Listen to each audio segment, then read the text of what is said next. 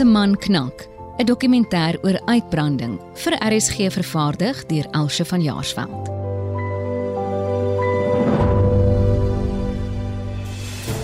I am leaving because with such a privileged role comes responsibility.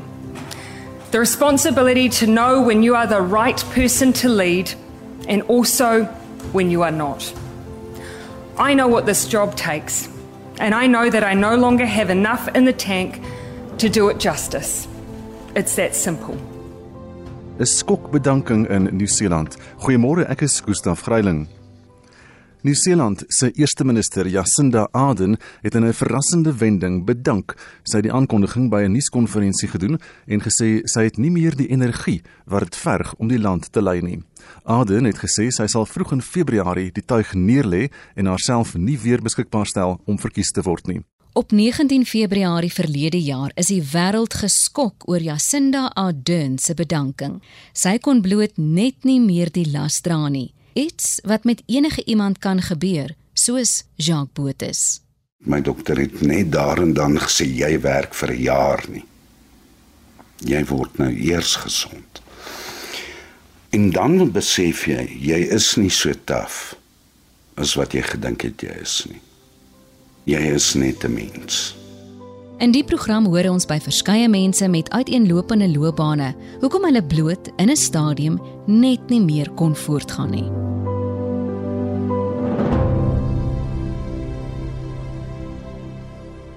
Jacques Botes is 'n gesondheidspraktisyn, sanger, akteur, akademikus en 'n uitsaaier. Hy doen traumaberading, hy werk in hospitale saam met dokters om hulle pasiënte sielkundig te ondersteun en hy sien dikwels mense in sy eie praktyk weens uitbranding. Jy het my geken die tyd wat ek 'n lekker pens gehad het. En nou kan ek hierdie hemp seker twee keer omvou. So dit was maar 'n proses. Dit is nie dat ek ophou eet het nie maar ek dink die adrenalien en die kortisol het my gedryf en gedryf en energie gebrand wat ek nie het nie en daarna as ons kyk na die definisie van uitbranding volgens Celius sê daar op die einde is alle fisiese en emosionele hy praat van physical and psychological resources depleted so dit is heeltemal uitgewis dan is daar niks meer van jou fisiese oor nie of nie niks nie, maar so min van dit oor. Jy het nie energie nie. Jy het nie krag nie. En jy begin maar net uitgaan. Ek kyk my lekker dubbeltjie, nê. Was 'n felle wat so gehang het. en natuurlik ou se emosionele, jou sielkundige energie. Dit is net jy kan nie verder nie. Jou tank is leeg. Jy het nie meer oor om te gee nie. Die een ding van COVID wat my baie bly is die alleenheid. Jy loop alleen en in die aande laat as ek van die hospitaal af gery het, daai gedagtes wat jy alleen in jou motor mee sit en jy sien, ou goed, het nog 'n winkel toegemaak, jy het nog 'n plek toegemaak. Daar het vandag nog mense gesterf. En ons weet nie waar om te gaan dit nie. Ons het nie antwoord nie. Ons het nog altyd oplossings gehad. Ons ken die ding van die tyd van HIV af. En ons weet dit vat tyd voor daar 'n vaksinne gaan kom of 'n oplossing. Die wetenskap moet nou eers sy werk doen. En hoe lank gaan dit aanhou? Hoe lank gaan ons hierdie prentjies moet sien? En ek dink wat baie gelei het tot my uitbranding was die feit dat 'n mens wil help, jy wil jou werk doen, maar jy kan nie. Jy het magteloos gevoel jou hande was afgekap. En natuurlik daai weerlose prentjies daar buite die hospitaal. Waar ek op 'n sypaadjie omdat mense nie in die hospitaal toegelaat was nie. Moet gaan sê van 'n ma of 'n pa of 'n kind of 'n tweede kind wat hulle verloor het.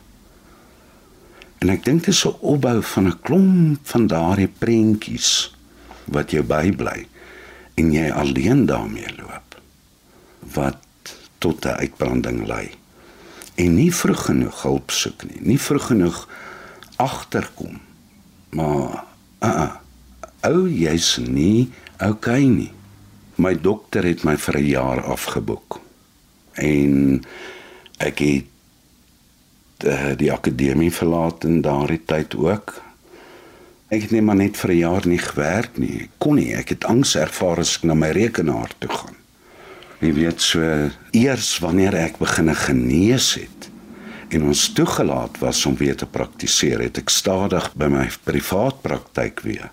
En ek het oorgegaan na 'n baie kleiner hospitaal waar ek deur 'n familie verwelkom is. En Ou moet hom maar optel na uitbranding. Jy moet jouself optel. Want wat jy ook moet onthou is jou selfbeeld, jou denke oor jouself, die persepsie dat jy die gereedskap het om iemand te help. Sweg, iemand het jou hele toolbox gevat. Jou hele graad amper het gevoel of dit niks beteken nie of al die opleidings in jou lewe. Ek het op 'n stadium gevoel ek wil my pasiënte bel en hulle geld terugbetaal. Want jy het net gevoel Jy's magteloos. So dis maar stap vir stap, kruising vir kruising wat jy moet deurgaan voor jy weer daai selfvertroue kry. Voor jy weer jou energie en jou lewenslus terugkry. Want die een ding van uitbranding is jy is nie meer lus vir die lewe nie. Jy wil of veg of jy wil vlug. Jy weet en daar gaan die donkerste gedagtes deur jou eie kop. Ek het later handboeke gevat en begine lees weer, vakke wat ek aangebied het. Abnormale sielkunde, sosiale sielkunde, ontwikkelingssielkunde, net om te kyk weet ek nog iets. Jy weet. Ek wil amper sê waar jy weer jouself moet begin herformuleer in die sin van jy, wie is ware ek? Want dit het so goed gegaan tot nou toe. Ehm um, jou huwelik ly skade. Jou verhoudings, jou persoonlike verhoudings, jou verhoudings met jou ouers. Dit kan nie by mekaar uitkom nie. Jy's moeg, jy's bekleierig. Later begin ek twyfel wat is realiteit. En die ander ding van my uitbranding met COVID was ek het baie geestelike vrae gehad.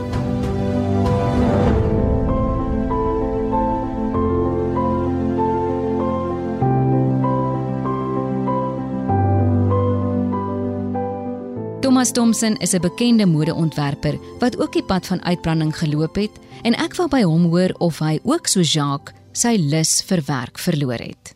Uitputting is seker twee dinge wat ek nooit gedink het met my sou gebeur nie, maar in 2014 toe ek op die toppunt van my loopbaan was, na vele mevrou Suid-Afrika seremonies, kompetisies waarvoor ek klere gedoen het en met meer as 30 bekendes wat my klere dra en Villa Rosa het ek 'n roeping gekry om dienste doen by die kinderkerk wat ek aanvaar het. Ek het ook begin speel by kampe by 'n ministry. Maar in die proses het ek begin ja sê vir alles. Naderhand het ek 6 dae 'n week begin werk in die aande. Selfs Sondag het ek nie meer tyd gehad vir myself nie. Maar my ambisie het vir my gesê jy moet aangaan en jy moet aangaan en jy moet so vinnig as moontlik en soveel as moontlik.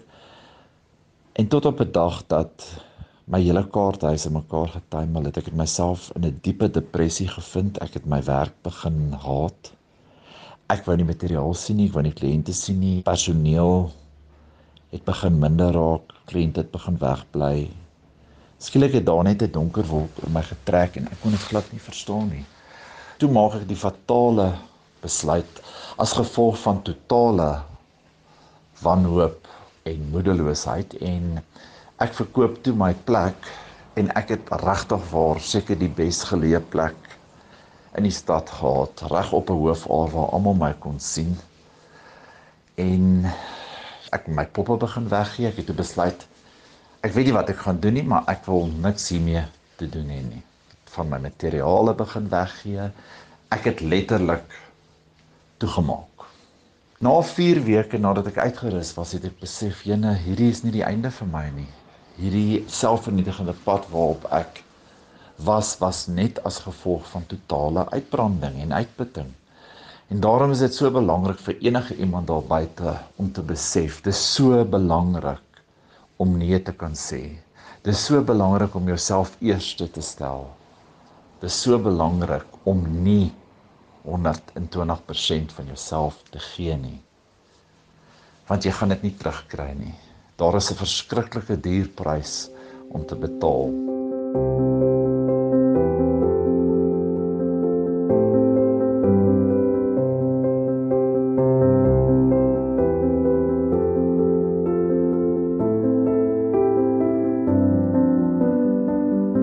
Na Jacques en Thomas se verhale was dit nodig om by die akademisie aan te klop. Professor Karen Kalitz is 'n emeritus professor in arbeidsreg en 'n navorsingsgenoot aan die Universiteit Stellenbosch. Sy het 'n studie oor uitbranding gedoen omdat sy besorg was oor kollegas, vriende en familie om haar wat uitgebrand het. Sy was in 'n stadium self op dun ys.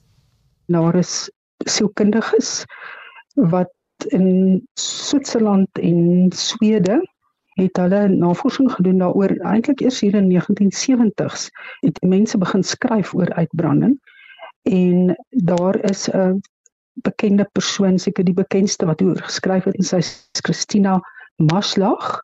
Hy sê het bevind dat daar drie dimensies is van van uitbranding. Die eerste is 'n totale uitputting, moegheid na liggaam en gees. Die tweede is dat mense wat aan uitbranding ly, raak sinies.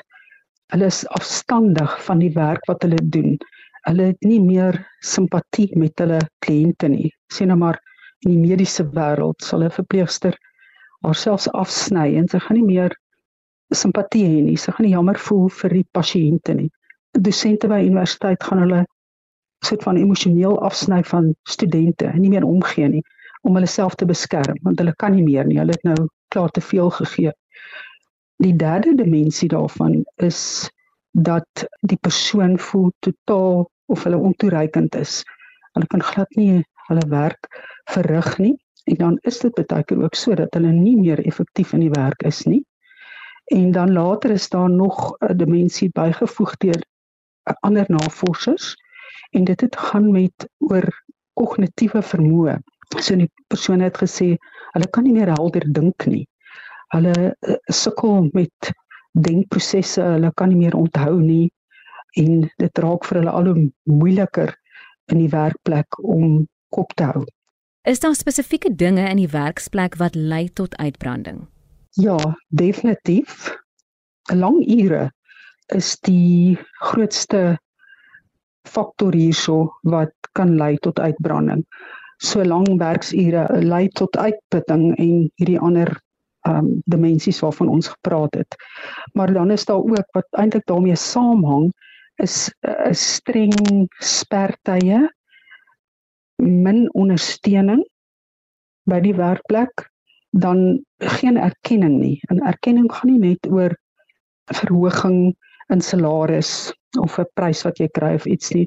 Dit gaan bloot oor as jou seniors erkenning gee vir wat jy doen.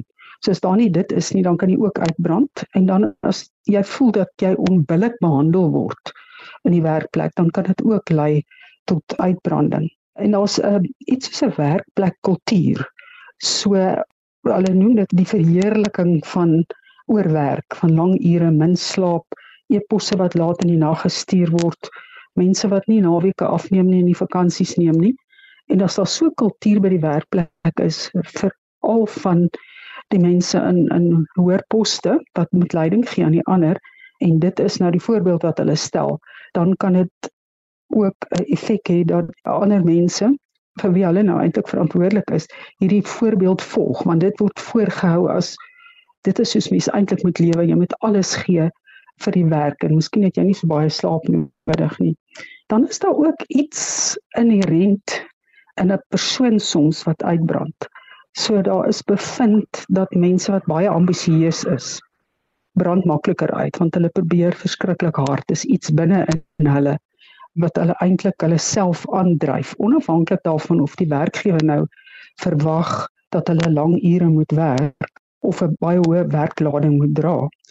En dan is daar ook mense wat konsinsieus is En die twee ambisieus en konsinsieus gaan nie altyd saam nie. Konsinsieus is net iemand wat regtig omgee vir die omgewing waar hulle werk, vir die werkplek en hulle wil alles goed en reg doen en hulle sal hulle self eintlik eerder tekort doen as vir kollegas of die werk wat verrig moet word. En dit is baie keer mense wat perfeksionisties is. Daar is skrikwekkende gevolge as 'n mens aan uitbranding ly. Jou gesondheid gaan heeltemal daarmee heen, so psigiese en fisiese gesondheid. En dit kan tot die dood lei want as jy uitbrand, dan word daar streshormone afgeskei wat lei tot minder suurstof en bloed wat na die hart gaan en na die brein en jy kan 'n hartaanval kry, jy kan oor ander breinsiektes kan jy kry. Daar kan baie slegte dinge met jou gebeur en dit kan tot die dood lei soos ek sê. Volgens professor Khalid se navorsing is dames tussen die ouderdom van 30 en 40 die kwesbaarste groep vir uitbranding. 'n Vriendin in die mediabedryf het ingestem om met my te gesels mits sy anoniem kan bly. Weet jy waar dit begin? oor ek 'n kontrakwerker is of 'n vryskutwerker is, was ek altyd afhanklik van geleenthede wat na my kant toe kom en ek het altyd hierdie ding in my kop gehad van elke geleentheid wat na my kant toe kom, vat ek. Ek het nooit my neus opgetrek vir werk nie. Maak nie saak hoe klein dit is of hoe ongerieflik dit is nie, ek doen dit want ek weet hoe dit is om nie geleenthede te hê nie. Maar met daai hoe sê mens mindset het ek gekom waar ek vandag is, maar teen 'n prys. Ek moes nou vir myself sê nou dat ek 'n kind het wat baie van my aandag vereis, dat ek moet my prioriteite reg kies. Ek het 'n ding raak gelees wat sê die enigste mense wat gaan onthou dat jy die hele tyd na ure of laat in die aand gewerk het, is jou familie nie jou kollegas nie, niemand nie, net jou familie gaan onthou dat jy die hele tyd gewerk het. So hoekom doen jy dit nou eintlik? Het jy 'n keuse gehad net toe jou baba gebore is? Ek het nie 'n keuse gehad nie, want al wat ek reg gekry het om te doen, ek het dit reg gekry om 3 weke se geld te spaar. So as ek nie werk toe kom nie, kry ek nie geld nie. Om te wag vir die werkloosheidsversekeringsfonds om uiteindelik uit te betaal, gaan nie nou my rekeninge betaal nie. Ek het gewerk tot op die dag wat ek geboorte gegee het. Ek het hier by die trappe afgestap. Op die bank gaan lê by die huis en toe daai aand 'n baba gehad. 3 weke later toe ek kom werk. En ek is nou nog baie bitter daaroor dat daar nie iets in plek is vir vrouens en paas, wie die hele wet wat nou verander het dat paas moet ook verlof kry. Want ons gaan saam deur dit, jy weet. Dat daar niks in plek is om ons te ondersteun nie.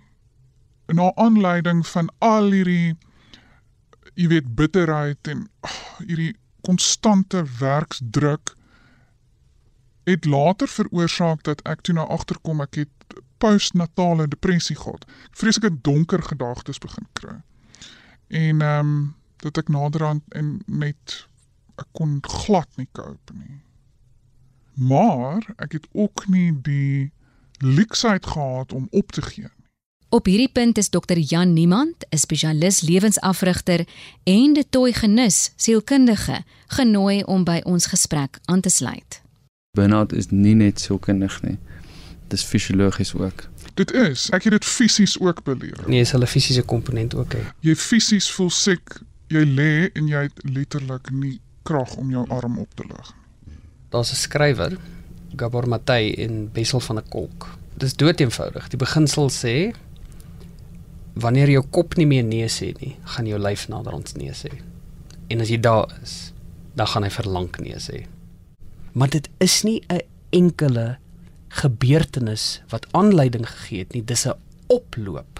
Jan het gepraat oor hoe mense deur hierdie uitbrandingproses gaan en wat vir my net interessant is is dat ons voel veral met psigologiese verstoring of uitdagings wat ons in die gesig staar dat dis soos 'n griep. As jy 'n bietjie van jou medikasie gebruik en jou lewe gaan aan dan gaan jy beter word maar as dit kom by psigologie as jy omgewing nie ook aanpas nie as jou omgewing ook nie verander word nie dan baie keer word die ander behandeling wat gedoen word geondermyn en as gevolg van daai ondermyning word die persoon nie noodwendig beter nie en dit kan 'n baie groot frustrasie wees vir die pasiënt of kliënt. Die mense wat geneigd is tot uitbranding is mense wat vir jou sê ek het nie spasie nie, ek het nie 'n gap nie, ek het nie die luksheid nie. En dit is aanduidend alreeds van ons is al op die pad.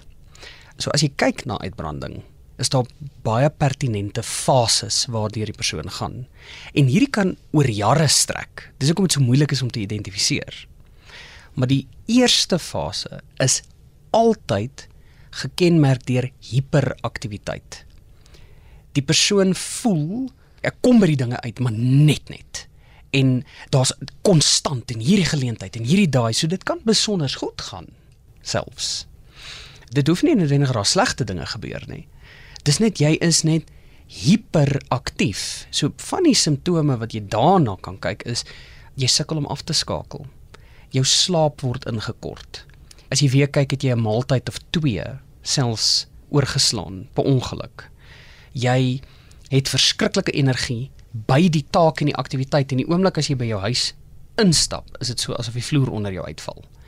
As jy nie hoef te werk nie, dan sak jou energie dat jy basies maar op die bank sit en TV kyk of wat ook al. Hulle praat deesdae van doom scrolling. Dis baie interessant. Gaan kyk bietjie na jou selfoon gebruik. As jy 'n uur lank doom scroll voordat jy moet slaap. Ek het vra.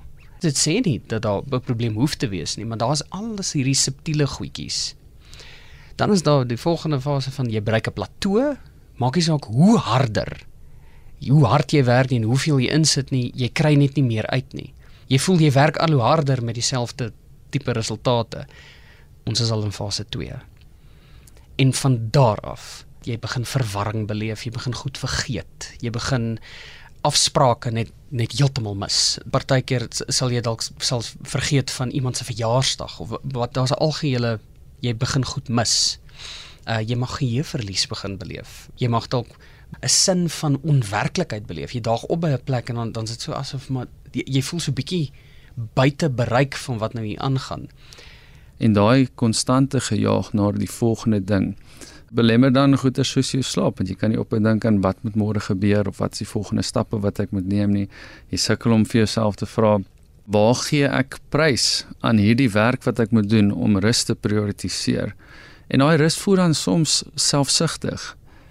Maar 'n maratonatleet moet eers in die resies besluit ek gaan nou stadiger hardloop sodat ek hierdie resies kan voltooi. En so ook met mense met werk. Dis belangrik dat ons hierdie rustye prioritiseer want as ons dit nie doen nie, dan begin ons die pryse betaal op 'n biologiese, sosiale en psigologiese vlak. Jy gaan moet 'n volwassene wees en sê as my werkgewer nie my gesondheid, 'n gesonde gesinslewe, wat ook al prioritiseer nie, gaan ek dit moet doen. Ons kan nie net aanvaar dit is nou maar hoe dit is nie. Wel jy kan, maar op 'n of ander stadium betaal jou liggaam 'n prys en die prys daarvan is gewoonlik maar hierdie komplekse situasie van uitbranding. Waar ek sou hierso persoonlike stories sommer deel. Ek het in die begin van 2017 ernstige uitbrandingssimptome begin beleef en ek het na 2 jaar vir my naasbestaandes eers gesê ek begin nou soos myself voel en ek het in die 3de jaar die einde van die 3de jaar gesien in my eie gedrag eers in die 3de jaar dat ek begin dieselfde doelwitte behaal, my tempo van werk is weer dieselfde en tot 'n groot mate my selfvertroue is waar dit moet wees. So kan dit so lank neem, absoluut, net om eerstens dit te sê. Hoe herstel jy? Ek het strukturele veranderinge in my lewe gemaak. Ek het alles wat nie absoluut nodig in daai tyd was nie, eenvoudig uit my lewe uitgesny. Dit het my energie, dit het vir my geld en ehm um, selfs 'n bietjie reputasie gekos. Maar ek het aktief dit gedoen, uitgesny en tweedens ek het vir hulp gevra.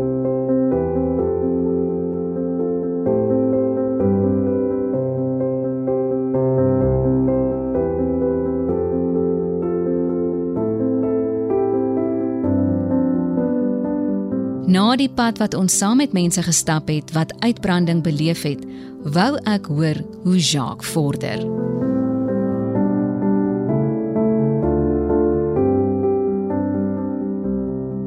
Jacques, voorheen was jou lewe bitter besig. Wat het uitbranding jou geleer? 'n Dag het gelyk van jaag ateljee toe gaan neem 'n doen 'n opname vir 'n radioflits. Gaan klank 'n bietjie oor wat ook al naweke konserte uitsaai. Een van die beste dinge wat ek kon doen was om te bedank aan die akademie. Jacques het nou so 'n paar jaar verloop, so 1 of 2 jaar nadat jy die uitbranding diagnose gekry het en jy het 'n pad gestap van herstel. Hoe gaan dit nou met jou? Fantasties. gaan baie goed. Ek het veral omdat ek die besluit gemaak het om minder te doen en te fokus oor dit wat my die lewensvonk gee en dit is om mense te kan help. Ja, my lewensvonk is terug. Ek is weer lus vir goed. Ek tel weer gewig op. Lekker man.